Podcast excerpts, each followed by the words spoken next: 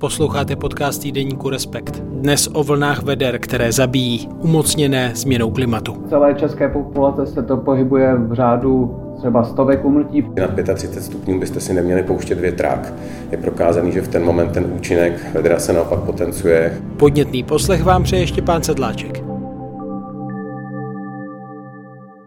Já můžu tady jasně říct, že kvůli probíhající změně klimatu ty vlny veder jsou častější, delší a mají vyšší takovou tu maximální teplotu. Jeden den se tak dá nějak přežít, ale pokud ty vedro tři a víc dnů nebo týden dokáže být i 14 dní vedro, tak to je potom už trošku horší. Popisuje Ondřej Lhotka z Ústavu fyziky atmosféry Akademie věd České republiky na semináři pro novináře, který uspořádala fakta o klimatu v rámci přípravy na mimořádná horká období. Ty teď můžeme pocitovat v Evropě i jinde na severní polokouli. První červencový týden byl podle předběžných odhadů meteorologů celoplanetárně vůbec nejteplejším v historii měření. Ale pak zase mi ty můžete položit dotaz a celku oprávněný, jestli to je jako pravda, jestli ten trend je takhle pořád, protože během loňského léta, až se držel nějakou jednu událost v červnu, si nevybavuju, že by tady nějaká velká vlna veder v České republice byla. Jenže opravdu stačí použít nějaký internetový vyhledávač a hned vypadne několik snímků, že vlastně pro 2022 byl v Evropě velice extrémní. A to, že nebyl extrémní v Čechách, my jsme jako malá země, neznamená, že nebyl extrémní v západní Evropě a zvláště v Velké Británii, kde ty rekordy byly překročeny o několik stupňů Celsia. A nejen historické rekordy. Ty původní rekordy tam byly naměřeny v roce 2019 a za tři roky znova byly překonány. Česká republika je vlastně poměrně malá země a pro hodnocení vln veder je důležité koukat aspoň, alespoň na středoevropský kontext. Je jasné, že vlny veder kvůli postupující změně klimatu budou sílit a budou častější. Věci s využitím klimatických modelů také nabízejí odhady, jak by se to mohlo projevit konkrétně ve střední Evropě. V historickém klimatu vlastně 30 letí před rokem 2000 nám to vycházelo 2 až 6 výrazných vln veder ve střední Evropě za desetiletí, za 10 let. Ten počet těch vln veder v tom klimatu od roku 2020 do roku 2049, což je vlastně klima, ve kterém začínáme už teď žít, by byl zhruba dvojnásobný. A na konci 21. století ty klimatické modely opravdu ukazují, že si můžeme počítat až za jednu až tři opravdu výrazné vlny veder za rok. Vysvětluje Ondřej Lhotka. Série mimořádně horkých dní představují značnou zátěž pro lidský organismus. Jak ohrožují zdraví, přiblíží lékař Tomáš Šebek. V první fázi nějaká dehydratace, vyčerpání, pak křeče, eh, kdo z vás třeba běžel maraton ve velkém vedru, a pak je to samozřejmě úpal. Pak jsou to choroby, které se potencují eh, díky vedru, kardiovaskulární onemocnění, onemocnění eh, dýchacího traktu, chronická onemocnění, jako je například cukrovka a tak dále. No a pak je to vlastně už otázka toho, kolik lidí navíc vlastně díky třeba vlně veder dostává díky do té doby kompenzovaným chronickým onemocněním do nemocnic. Znovu zmíním třeba eh, diabetes, ledviny, vinové selhání, nebo třeba lidé s eh, duševní poruchou. Eh, na každého z nás to vedro dopadá a víte, že někdy se s tím nevyrovnáváme úplně nejlépe, co se týče naší duševní stability. A pro vaši informaci zhruba třetina populace v České republice po covidu má problém ve smyslu duševního onemocnění. No a na druhou stranu jsou ty nepřímé eh, dopady. Může to být třeba otázka toho, že některé choroby se mnohem lépe šíří pomocí znečištěné vody eh, například nebo eh, prostřednictvím jídla. Je to vyšší riziko úrazů, které souvisí s vlnou veder nebo obecně vyšší teplotou. Nároky na to zdravotnické zařízení, no a pak to můžou být opravdu takové věci jako blackout třeba výpadek prostě infrastruktury elektrika. A které skupiny lidí jsou nejohroženější? Jsou to nepochybně lidé, kteří žijí eh, v těch eh, městských silech, když to použiju tenhle termín. A obecně ve městech je mnohem vyšší teplota, protože tam chybí zeleň a lidé, kteří bydlí třeba na sídlištích, tak jsou výrazně více ohroženi než ty, kteří eh, žijí někde na venkově. Jsou to lidé, kteří pracují ať už venku, a, nebo lidé, kteří pracují vevnitř, ale neklimatizovaných provozech. Eh, nepochybně jsou to potom seniori nebo lidé, kteří jsou postiženi už nějakou chronickou chorobou a na druhou stranu jsem zmiňoval děti. děti. Znovu, a to je nemalá skupina, naštěstí pořád v České republice sportujeme, tak jenom myslet na to, že tohle se týká jako i velmi zdravých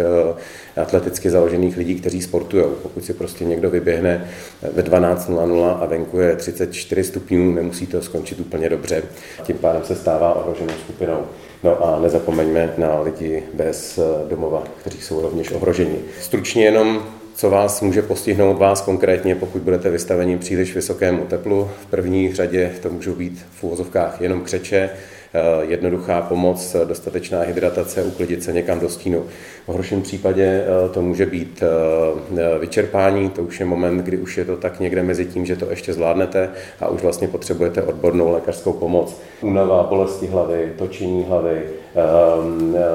třeba podrážděnost určitá, nebo snížený výdej moči. To už samo o sobě může být indikátor toho, že se dostáváte do momentu, který je kritický a to je ta třetí část a to je úpal. Ten může skončit skutečně až bezvědomím a to je nepochybně eh, stav eh, pohotovosti, kdy prostě tohle se nedá řešit jinak než 112, 155. A když bych to na závěr chrnul, protože bych chtěl skončit pozitivně, tak vám řeknu nejdřív, co nedělat tak eh, protože tušíte, že Česká republika je jedním z největších konzumentů alkoholu a že i když já se ptám pacientů, eh, jestli pijí vodu, tak nepochybuji o tom, že 99% z nich mi odpoví, že voda není tekutina. Eh, tak jedna z věcí, která výrazně zhoršuje to, jakým způsobem se vyrovnat z vedry, je konzumace alkoholu. Jsou to ale i takové věci, že na 35 stupňů byste si neměli pouštět větrák. Je prokázaný, že v ten moment ten účinek vedra se naopak potenciuje a spíš si škodíte, tak jenom na to pamatovat.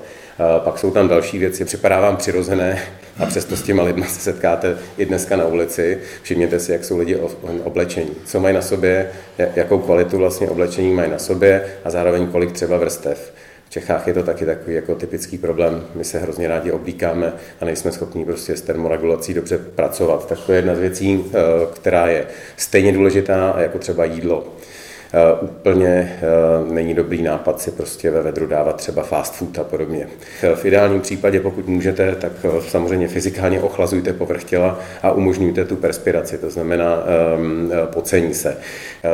Dá se řešit problém s vysokou teplotou například i tak, že se prostě přes ten pík budete schromažďovat v oblastech třeba veřejné dopravy anebo v knihovnách, kde dneska standardně běží klimatizované provozy. Je to jedno z doporučení VHO. Mluvil jsem o tom větráku, tak naopak po těch 35 stupňů to může mít jako výrazně pozitivní účinky, protože prostě to pomáhá odvádět teplo. Stejně tak eh, dostatek tekutin, to vás napadne. Eh, možná to není tady v těch doporučeních Světové zdravotnické organizace, ale nějakých českých jsem četl, protože jsme zemí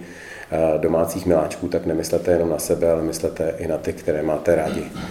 ať už jsou na čtyřech nohách, nohách nebo, nebo mají nějakou jinou podobu. Tomáš Šebek má za sebou mise lékařů bez hranic mimo jiné v Jemenu nebo Jižním Sudánu. I na základě toho ví, že extrémní projevy horka jsou problém i v oblastech, kde jsou lidé zvyklí na mnohem větší vedro než ve střední Evropě. Bezpečuju vás, že celá střední Afrika dneska mluví o tom, že už je to pro ty lidi, kteří na to byli vlastně adaptovaní a zvyklí, absolutně nesnesitelní. Já jsem zažil situaci eh, v Jižním Sudánu, kde jsem byl, byly se nejextrémnější teploty, Zažil jsem situaci, kdy v nemocnici lékařů bez hranic eh, jsme nebyli schopni prostě pro pacienty zajistit lepší komfort, než to, že přes poledne ve stanu byla teplota kolem 55 stupňů. Eh, to fakt jako nedáte. Jo? Tak eh, to už se prostě dotýká těch lidí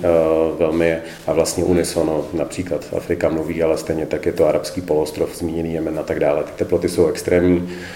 s tím jsou spojené nejen ten diskomfort, nebo případně nějaká choroba způsobená přímo ale mluvil jsem o těch vektorech, které umožňují například masové šíření malárie a tak dále, což je teď jako obrovský problém z pohledu humanitární medicíny. Takže ano, i ti, kteří na to byli adaptovaní, už dneska nejsou. Nová studie vědců ze Španělska, Francie a Švýcarska odhaduje, že jen loni v Evropě kvůli vlně veder během léta zemřelo přes 61 tisíc lidí. Většinou šlo o seniory starších 80 let. I o tom bude řeč v rozhovoru s hlavním hostem dnešního podcastu. Hostem podcastu týdenníku Respekt je klimatolog Aleš Urban z Ústavu fyziky atmosféry Akademie věd České republiky, který dlouhodobě zkoumá souvislosti mezi horkem a umrtností. Dobrý den, vítejte. Dobrý den. Máme za sebou horký týden. Místy v Česku přesáhly o víkendu teploty 38 stupňů. Silná vlna veder postihla zejména jižní Evropu. V médiích můžeme číst o tom, že Evropu rozpolují postavy z podsvětí jako Kerberos a po něm má přijít Cháron. Čeho jsme tedy svědky? No tak určitě se dá mluvit o horké vlně nebo horkých vlnách, které se vyskytují stejně jako každý rok, řekněme, a, a, a samozřejmě asi v posledních letech no, hlavně teda ta četnost, ale i ta intenzita těch vln řekněme, nějak pozvolna narůstá, ale není to nějak skokově, že, že by tady nic nebylo. Jako stejně jsme to řešili loni a, a, a, a předchozí léto, že, že sužovalo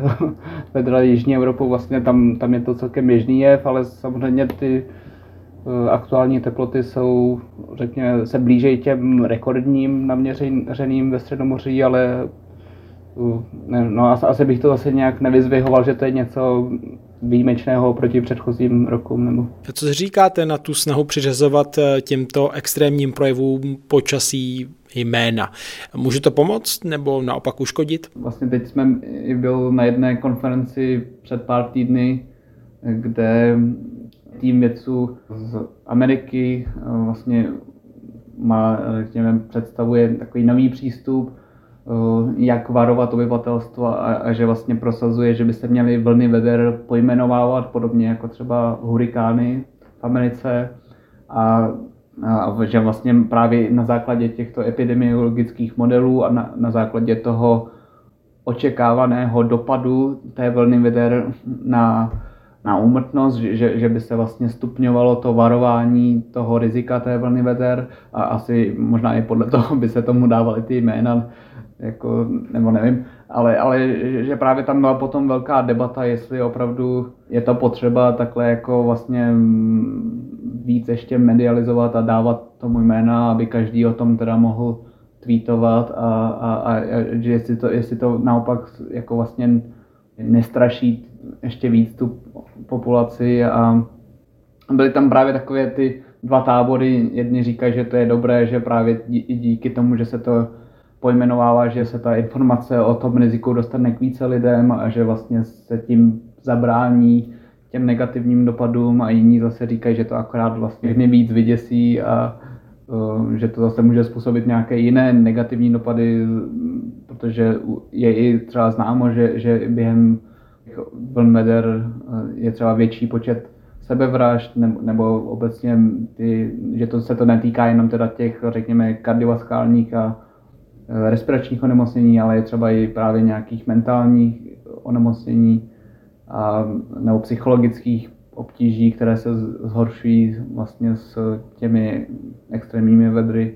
Takže je otázka, jestli by tohle akorát nepřispělo k tomu, že by víc lidí bylo vlastně nějak eh, negativně tím ovlivněno z hlediska nějakého psychologického rozpoložení.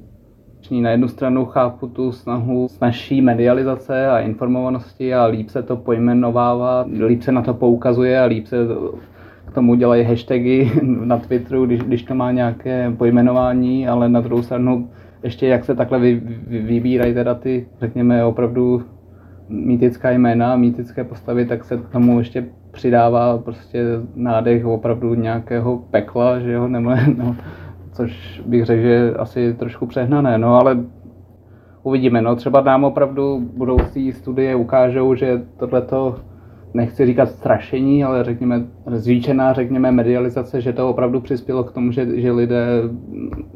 více, řekněme, pečují nebo více dbají na to, aby se chránili před tím horkem a že,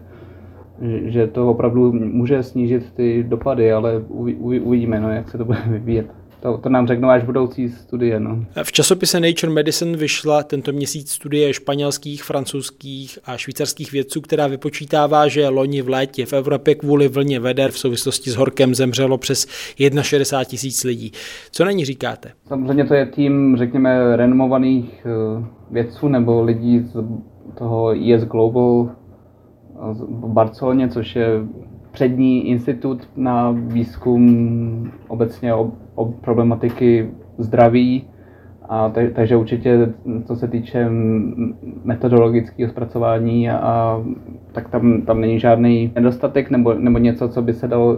nad čím by se dalo nějak polemizovat a jako je, do, nebo je dobrý ten, že vlastně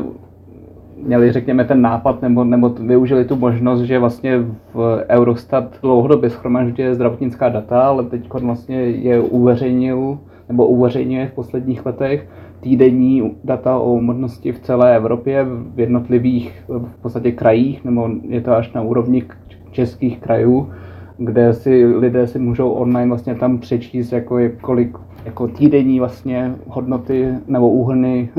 nebo řekněme, počty úmrtí v jednotlivých regionech za předchozí týdny a je to teda s nějakým spožděním, ale de facto online si, člověk, si tam lidé můžou to zkontrolovat. A pak se tam dají ty, ty, vlastně ty data stáhnout a jsou tam právě až, až někdy od toho roku 2015 k dispozici nebo 16, takže, takže to je vlastně řekněme nová nebo relativně nová nebo nově přístupněná uh, databáze zdravotní, která um, umožnila vlastně tuhle tu studii, protože většinou vlastně doteď jsme bojovali s tím, že ne, jako sběr těch dat a třeba i v, jiných studiích, na kterých jsem se podílel, tak tam vždycky vlastně má, jsme několik let pozadu, řekněme, v tom sběru těch dat a, a když konečně můžeme vyhodnotit ten dopad třeba na tu denní umrtnost, protože ty data o té denní umrtnosti právě tak tam trvá, než se to vyhodnotí a roz, rozdělí do těch jednotlivých kategorií a podobně, tak potom vlastně to trvá, než se to schromáždí a než se to dá analyzovat, když to vlastně ta databáze, databáze to umožňuje vlastně uh, analyzovat téměř online nebo za minulý rok. A ty výsledky ukazují teda jednak, že to léto opravdu teda, nebo zejména v té jižní Evropě nám se to relativně vlastně vyhlo, ale zejména v té jihozápad, jižní a západní Evropě, takže opravdu ta intenzita těch veder byla srovnatelná s tím rokem 2003, který doteď je furt, řekněme, tím mementem, kdy, jak i píšou v té studii, vlastně se dá při eh, na úkor těch vln veder zemřelo až, se odhaduje až 70 tisíc zemřelých v tom roce 2003, takže vlastně ta ten loňský rok, dá se říct, dorovnal, jak co se týče intenzity toho horka tak i počtu těch zemřelých tak byl na úrovni toho roku 2003 a zejména teda v té jižní Evropě, v Itálii, ve Španělsku. Co je možná zajímavé, a to, vlastně to myslím zmiňují i autoři v nějaké tiskové zprávě, že třeba právě ve Francii, kde byl velký dopad těch veder v roce 2003 a, a, a loni tam taky bylo, taky tam by padaly vlastně teplotní rekordy a taky tam byly ty vedra, tak ten dopad na to zdraví v té Francii byl celkem nízký v porovnání třeba se Španělskem nebo s těmi jeho evropskými státy, což právě teda může být jeden z důsledků třeba té lepší prevence a, a těch varování a, a informovanosti obyvatelstva. A samozřejmě je to, ona je to vždycky taková trochu loterie, protože to hodně závisí opravdu na prostorové rozložení toho horka, že, protože i když je to třeba v úhrnu za celou Evropu srovnatelné, tak vlastně prostorově ta vlna veder vypadá po každý jinak a po každý je ten největší intenzita toho horka někde jinde, takže eh, ale i tak to se třeba zdá, že v té Francii opravdu tam eh, ty dopady byly výrazně nižší než v těch okolních státech a, a zejména teda než v tom roce 2003, což by naznačovalo, že třeba tam opravdu došlo k nějakému posunu v té prevenci a, a v té ochraně obyvatel. Takže jde o nový přístup. Dá se říct, že podobná zhodnocení umrtnosti v souvislosti s horkem budeme tedy po vlnách eh, veder eh, číst eh, s odstupem každý rok. Tím mám na mysli vždy ohlédnutí za loňským létem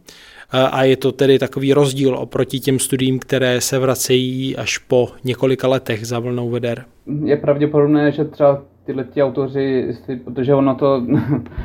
ono je to sice volně dostupné, ale chce to, řekněme, určitou dávku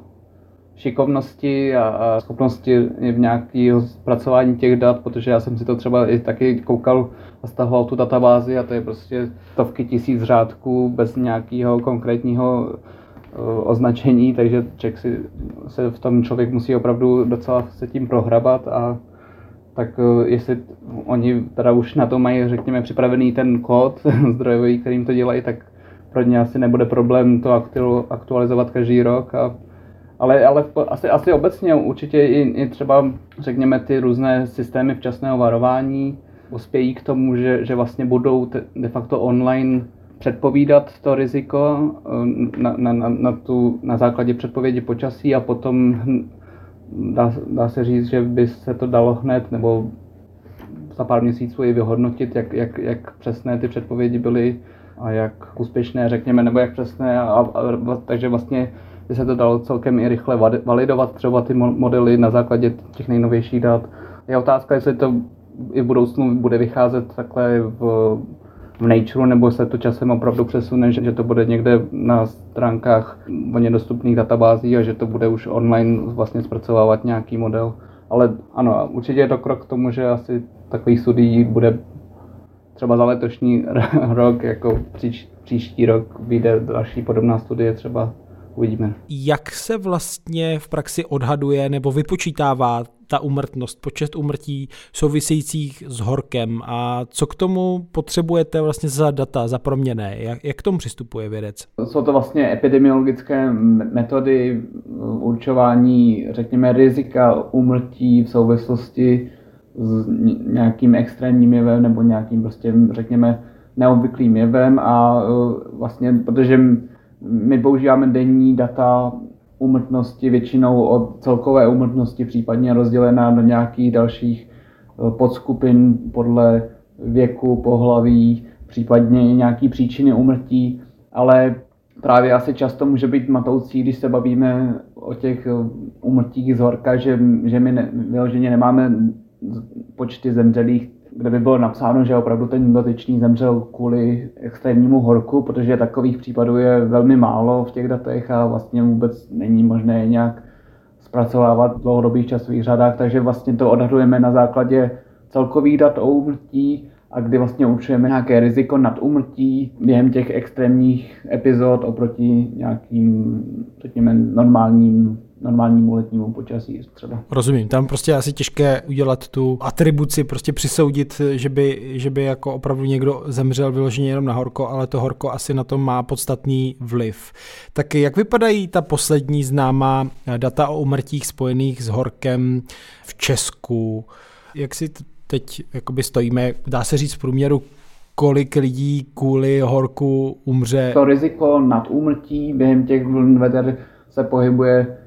někde kolem 30% oproti, řekněme, běžnému nebo průměrnému počtu denních úmrtí během běžného letního dne. To znamená, že když je, mm, řekněme, nějaká horká vlna nebo je mm, vyšší horko, tak zhruba umírá o 30% víc lidí, než když je vyhovující teplota přes 20 stupňů. Přesně tak. V Česku se jako v rámci celé české populace se, se to pohybuje v řádu třeba stovek umrtí v těch nejextrémnějších případech nebo v těch nejintenzivnějších vlnách veder, jako třeba byl v roce 2015, takže že to jsou teda, že to je v řádu stovek nad úmrtí v celé ČR. Za jeden den je to třeba v desítkách nad úmrtí, nebo potom, když je to třeba nějaké období, které třeba nějaká vlna veder, jako byla ta v roce 2015, která trvala dva týdny, kdy byly opravdu extrémní teploty kolem více nebo nad 35 stupňů v podstatě kontinuálně, zejména teda v Praze a v těch, řekněme, nížinatých oblastech, tak potom opravdu ty celkové počty těch nadúmrtí se pohybují kolem několika set nadúmrtí oproti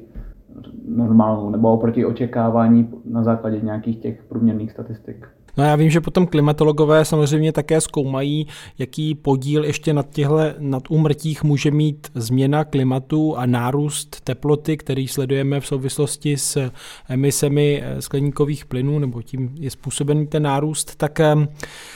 tam vlastně vy berete modely klimatické, kdy srovnáváte stav, kdyby byla tedy ta nezměněná teplota s tím stavem, který máme teď, tak dá se tam říct, o kolik vlastně ještě navíc těch umrtí kvůli tomu, že už je globální průměrná teplota vyšší o zhruba 1,2 stupně ve srovnání se stavem před průmyslovou revolucí. Ano, to, to, to jsme dělali v jedné studii, která vyšla předloni. To byl tým, vlastně mezinárodní tým autorů, takže to byla studie vlastně globální globální,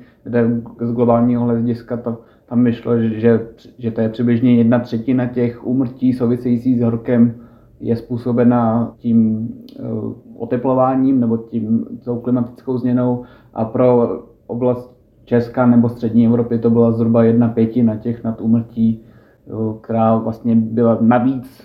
díky klimatické změně. To znamená, že když vezmeme všechno ta nad úmrtí, tak eh, nějakých 20% eh, z nich by se dalo nahrubo připsat eh, klimatické změně. Ano, ale samozřejmě je to hodně hrubý odhad na základě těch epidemiologických statistik, a, a, ale ano, pokud, pokud teda uvažujeme, že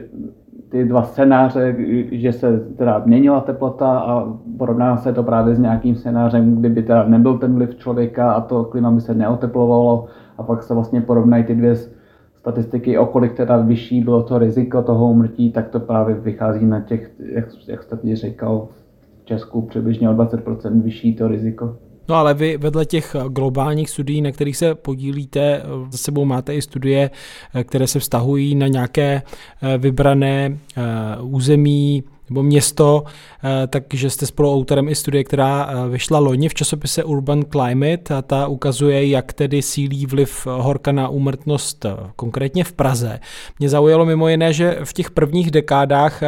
po roce 1989, tam je teda třeba říct, že to sledujete vlastně od 80. let, tak je vidět, že eh, byl jistý pokles umrtí eh, v souvislosti s horkem, ale ta desátá léta tohohle století naopak tedy znamenají oproti tomu předchozímu období dvojnásobný nárůst. Tak jak tomu rozumět? Ano, je to jak říkáte, že vlastně i, eh, nejenom naše studie, ale i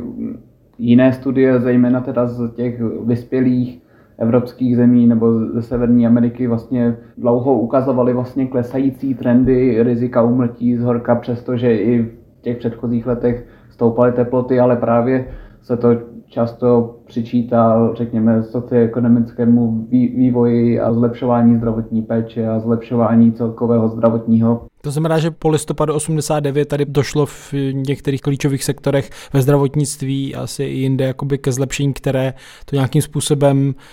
zmírnilo ty dopady. Ano, a vlastně nejenom u nás, ale asi zejména v těch eh, postkomunistických zemích, ale vlastně se to týká všech, řekněme, těch evropských zemí, že prostě to riziko toho umrtí z horka vlastně klesalo, přestože i, i v těch 80. nebo 90. letech docházelo k oteplování a k nárůstu četnosti těch vln veder. Ale pak právě v případě toho Česka právě jsme mohli, měli možnost analyzovat ty data z toho posledního desetiletí a ty právě naznačují, že prostě jednak už, už, už vlastně nedochází k tak rapidnímu řekněme, zlepšení té socioekonomické situace, už, už prostě to zdravotnictví je na nějaké úrovni, zároveň eh, nám stárne populace, takže je čím dál tím víc vlastně lidí v té zranitelné věkové skupině. A samozřejmě přesto, že se jako celkově zlepšuje ten zdravotní stav té populace, tak prostě je víc těch lidí z té rizikové věkové skupině těch eh, nejstarších obyvatel. A, a zároveň teda opravdu, zejména to poslední desetiletí od roku 2010 do roku 2019 bylo opravdu bezprecedentní v českých podmínkách nebo v rámci střední Evropy z hlediska eh, četnosti a intenzity těch veder. A takže tam, tam je to prostě nejspíš kombinace obojího, těch klimatických faktorů a těch, řekněme, demografických faktorů, které dohromady způsobí to, že, že, že vlastně narůstá počet lidí v tom rizikové věkové skupině a tím pádem i počet těch úmrtí během těch extrémních veder. Dá se říct, co byla taková nejhorší epizoda eh, nebo časový úsek právě horká, kdy tedy z hlediska těch úmrtí spojených s horkem se to opravdu zapsalo pomyslně do, do historie? V Česku teď myslím. V Česku je to určitě ten rok 2015, o kterém jsem již mluvil. Předtím třeba vlastně předchozí takový rok byl rok 1994, který byl také velmi výjimečný v porovnání s předchozími i následujícími roky a vlastně dlouho byl tím, řekněme, rekordním rokem z hlediska eh, právě jednak i toho horka, tak i dopadu na ty životy obyvatel. Pak vlastně až ten rok 2015 vlastně překonal jen, to, jednak co se týče délky a intenzity těch vln veder a vlastně i čet, počtu těch umrtí, eh, tak vlastně překonal ten rok 1994 a dalším takovým rokem byl rok 2018, ale ten teda nedorovnal ten rok 2015, ale byl také celkem významný. A zatím teda nemáme data pro to nové eh, desetiletí, ale třeba i data z Evropy, nebo ta předběžná, řekněme, data statistická z Evropy naznačují, že, že COVID měl také významný vliv na právě na, na celkově zdravotní stav populace v Evropě a na, řekněme, zranitelnost obyvatel vůči třeba těm extrémním medrům, protože třeba například loňský rok ukázal, že celkově v létě, v letních měsících byl obecně výrazně vyšší vlastně míra úmrtnosti než v předchozích letech. A přestože už bylo po té hlavní fázi toho covidu, tak, tak je pravděpodobné, že tam jednak teda byla v Evropě byly lesní požáry, byly významná sucha, byly, byly opravdu jako horka, zejména v té jižní části Evropy, ve Španělsku, ve Francii a v té, řekněme, vlastně na, nakonec i v Anglii. A zároveň právě tam z největší pravděpodobností hraje roli i, i ten covid nebo nějaký ten postcovidový syndrom, že mnoho lidí je prostě furt ještě zranitelnější vůči těmto jevům právě díky tomu, že třeba absolvovali covid. A to jsou samozřejmě předběžné teorie, které ještě je potřeba dokázat právě v těch analýzách, ale opravdu ten nárůst těch počtů zemřelých v minulém létě 2022 byl opravdu výjimečný oproti předchozím rokům, jako celkově v Evropě. A ještě ten rok 2015, to léto v Česku, tam teda to celkové číslo hrubé je kolik? Konkrétně pro tu Prahu nám vyšlo eh, zhruba 250 nad úmrtí během toho roku 2015, teda z důsledku vln veder a vlastně předchozí starší studii kde jsme teda používali trošku jinou metodiku, ale na, na, na stejném principu, akorát řekněme méně komplexní. A tam jsme analyzovali data pro celou Českou republiku, tak tam to vycházelo něco kolem 800, eh, blížilo se to už tisíci vlastně zemřelým nebo nad úmrtí za celou populaci Česka. No. no a když se eh, díváte na vývoj v těch datech, tak eh, vidíte tam tady nějaký jasný trend, co čekat v Česku v, eh, a i s ohledem tedy na postupující změnu klimatu do budoucna, jak se to bude měnit? Chápu, že tam jsou potom ty proměny jako ještě demografické, ale i třeba nějaká reakce, že se přizpůsobujeme tomu, že se mění teplota. To je právě věc, která se hodně diskutuje dneska i v mezinárodní vědecké literatuře, jak se vlastně bude do, do budoucna vyvíjet to riziko umrtí z důsledku vln a mnoho studií naznačuje, že, že samozřejmě s oteplováním bude významně narůstat ten počet umrtí z důvodu horka, což na jednu stranu se dá předpokládat, že právě třeba právě těmi demografickými změnami a stárnutím populace v Evropě, ale a i u nás, tak bude vlastně, jak jsem říkal, narůstat ten počet těch lidí v těch rizikových skupinách, což jsou teda zejména staří lidé a lidé s nějakým chronickým kardiovaskulárním nebo respiračním onemocněním, ale zároveň i mnoho studií z a analýz těch historických dat naznačuje, že se ty populace postupně aklimatizují částečně na, na ten nárůst teploty a, a že se třeba posouvá ta hodnota té optimální teploty, kdy je nej, nejnižší riziko toho úmrtí. A je to vidět i v rámci kontinentu, že prostě v Jižní Evropě je jiný ten práh, řekněme, toho rizika úmrtí z horka, než v severní Evropě. Dalo by se předpokládat, že, že, že prostě ta populace se nějak bude schopna adaptovat nebo aklimatizovat a že je potřeba toto také brát v úvahu a, a zároveň i to trošku jako vybízí populace a města a státy k rozvoji těch adaptačních opatření, aby ty města a státy byly a, a obecně ty zdravotnické systémy, aby byly adaptovány na, na ty vyšší teploty. No a z pohledu těch globálních dat o umrtnosti ve vztahu horku, jaké oblasti jsou teď vlastně v poslední době tomhle ohledu nejzranitelnější, kde, kde opravdu ty počty mrtvých se, se významně zvýšily a je to opravdu problém, který eh, tam je třeba několikanásobně vyšší než u nás. Tam samozřejmě je problém, že právě v těch, řekněme, nejrizikovějších oblastech často ne, nemáme nebo neznáme ta přesná data a, a často je pravděpodobně ani neznají ti lidé v těch zemích zasažených ale určitě často se uvádí třeba Indie a, a právě řekněme tato oblast té Jižní Asie. Obecně jsou to oblasti, kde prostě se bude kombinovat extrémní horkost, extrémní vlhkostí vzduchu, což je vlastně nej, jako nejhorší kombinace v rámci e, tělesné termoregulace, když je třeba 30 stupňů nebo někde i třeba 35 stupňů a ještě u toho je vysoká vlhkost vzduchu, tak potom opravdu to tělo není schopné se ochlazovat a mnohem že může dojít k nějakému kolapsu a přehrátí toho lidského organismu kdy přestane fungovat ta čistě fyzikální výměna mezi vaším tělem a tím zemním prostředím, což se samozřejmě potenciuje tím, pokud je prostě venku vlhko. Trávil jsem tři měsíce na Haiti a v ten moment vám prostě bude vadit, když je 25 stupňů eh, Celsia a 100% vlhkost. Pokud prostě přestane fungovat tato fyzika, začíná stoupat tělesná teplota a už nemáte moc těch možností, jak to vlastně korigovat. Jediný, co je nějaké chladné prostředí a pokud už není co slíknout, tak může opravdu nastat ten problém. Pak je to otázka toho, jak fit do takové situace vstupujete, rozdíl mezi zdravým a nemocným a uh, jaký máte prostě prostředky jiný na to se uchladit. No, takže jsou to opravdu třeba právě ta oblast té Indie, zejména těch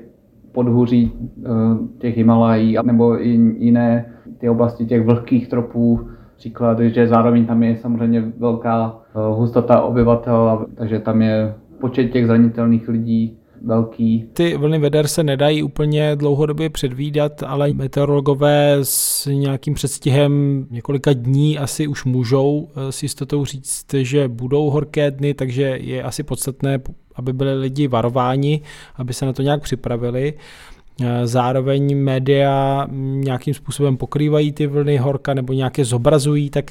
jak jste spokojený s tím, jak vlastně v Česku se referuje o problému horka v souvislosti s úmrtností? S chodou okolností jsme měli setkání v Praze v rámci mezinárodního projektu a vlastně tématem byl to jednodenní workshop, kde jsme právě řešili účinnost těchto těch varovných systémů vůči vlnám veder. A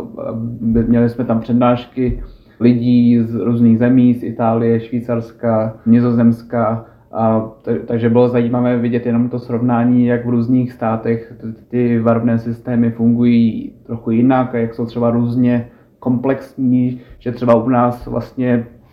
prozatím je to založeno hlavně právě na tom meteorologickém varování, které je jako ze strany eh, Českého hydrometeorologického ústavu si myslím děláno jako výborně a profesionálně a myslím si, že těch informací z hlediska právě toho, řekněme, meteorologického rizika, nebo rizika, že nastane ten meteorologický jev, že to, to vlastně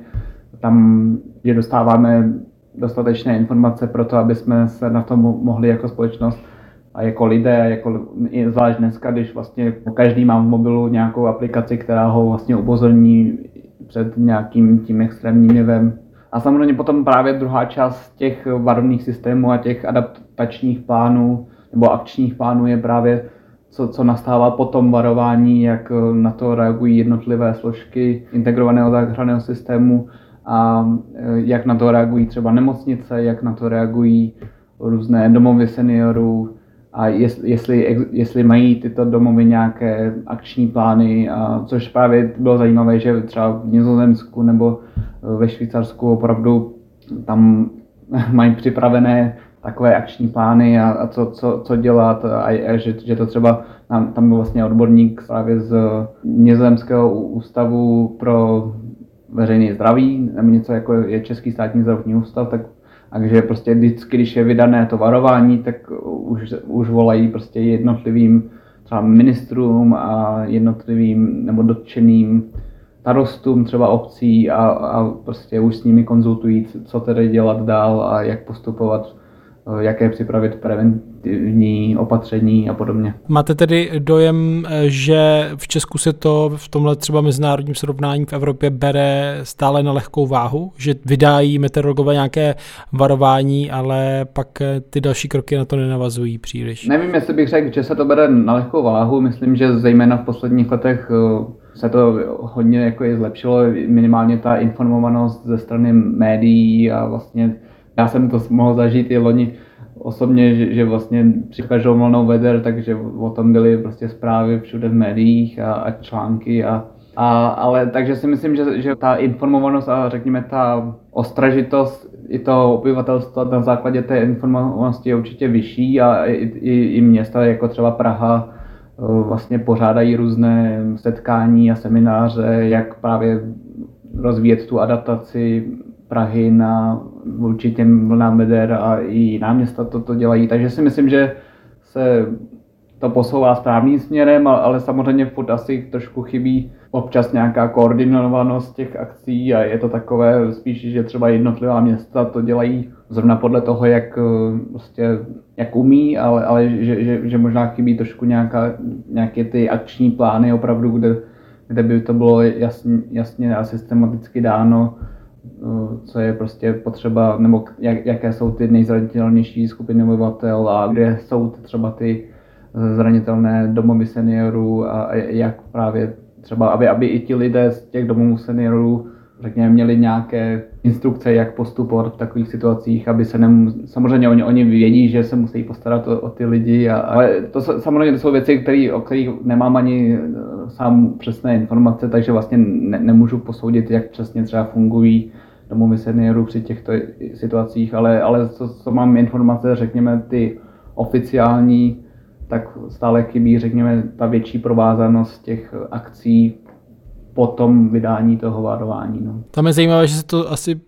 do značné míry i překrývá právě s tím covidem, že to také byl problém, který nejvíc ohrožoval právě ty starší a nemocné a taky tam bylo potřeba vymýšlet systémy, jak, jak je ochránit. Tak jestli tam je nějaký poučení. Je něco, k čemu byste to připodobnil z pohledu těch rizik a hrozeb? Máme varování, blíží se vlna veder a někdo to třeba slyší a říká si, no tak bude horko. Existuje jakoby jiná věc, pro kterou máme adekvátní jakoby přípravu? Víte, co myslím, jak něčemu to přirovnat? Samozřejmě tady se nabízí, i když to úplně není, řekněme, férové, ale je to srovnání třeba s, jak funguje ten záchranný systém při povodní, kdy, kdy vlastně i zase díky teda té negativní zkušenosti a, a díky tomu, že opravdu u těch povodní je třeba jednat rychle a na rozdíl od těch vln veder je to prostě živel, který prostě postupuje rychle a je vidět hned ty, ty rizika, která to, to skýtá, takže do stínu před ním neutečete. Že? Samozřejmě z hlediska ekonomických škod a z hlediska těch vizuálních dopadů, tak jsou ty povodně samozřejmě mnohem horší. Ale je to, je to právě takové diskutabilní, protože, protože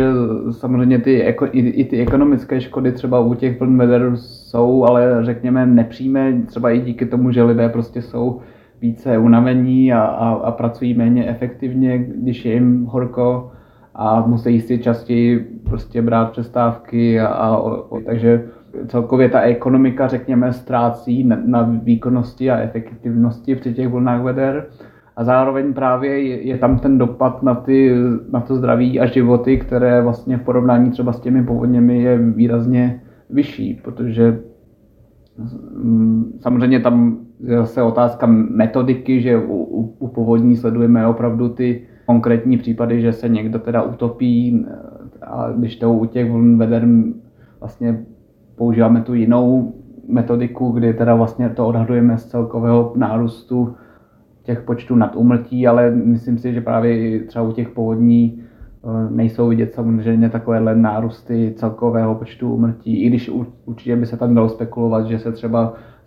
zvyšuje riziko různých infekčních onemocnění po povodních, a které můžou zvýšit nemocnost, ale většinou to nejsou nějaké asi opravdu eh, fatální případy. Pak samozřejmě z hlediska toho, toho dopadu právě na, na ty zdraví a životy bych to vlastně přirovnal docela k tomu covidu, jak, jak, jak jste říkal, nebo obecně k těm uh, respiračním epidemím, které vlastně podobně, třeba i ta chřipka nebo, nebo ten covid, že to jsou vlastně takové taky podobné, když zrovna u toho covidu už to bylo, řekněme, viditelné, ale že i taková běžná chřipková epidemie prostě způsobí velký nárůst úmrtí v zimním období a tak, také to vlastně se o tom někde eh, nedočteme, protože to vlastně není vidět, že, že by jako byly přeplněné nemocnice a eh, že, prostě, že by byl přetížen ten systém, ale prostě při těch epidemích umírá výrazně více lidí než v běžné zimní sezóně a zároveň i vlastně více lidí než během těch vln veder. A je to vlastně dost podobné riziko právě jako, eh, nebo podobné právě i z hlediska těch zranitelných skupin obyvatel a vlastně koho se to týká nejvíc a prostě jako, eh, ano. A už jste mluvil o tom, že vlastně vycházíte z těch dat o umrtnosti vlastně s určitým spožděním časovým, tak myslíte, že se rýsuje právě e, nějaký novější přístup v tom, že by se to vyhodnocovalo rychleji, že by, a jestli by to vůbec jakoby bylo záhodné, jo, e, mít jakoby e, dřív informace o tom, že po horké vlně zemřelo zhruba tolik a tolik lidí asi v souvislosti s horkem. A jestli to třeba je trend ně, některých jiných zemích, já nevím. No je to trend a, a je to takové samozřejmě, protože dneska je, je vlastně tendence,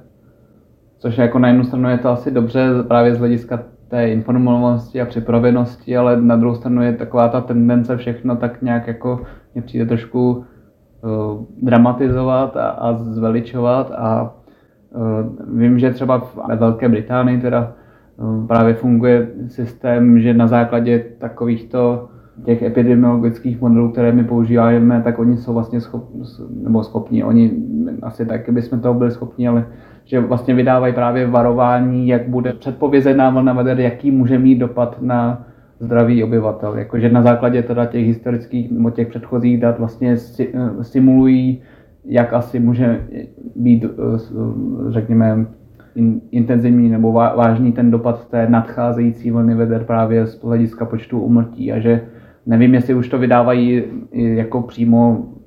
že by se, se to dávalo jako informace veřejnosti, ale, ale určitě minimálně to funguje jako nějaký podklad pro ty zdravotnické složky a podobně, což asi může být užitečné, řekněme, nějaké takové varování, které by nebylo třeba vyloženě pro tu veřejnost, ale spíš právě pro ty nemocnice a pro ty záchranky, které asi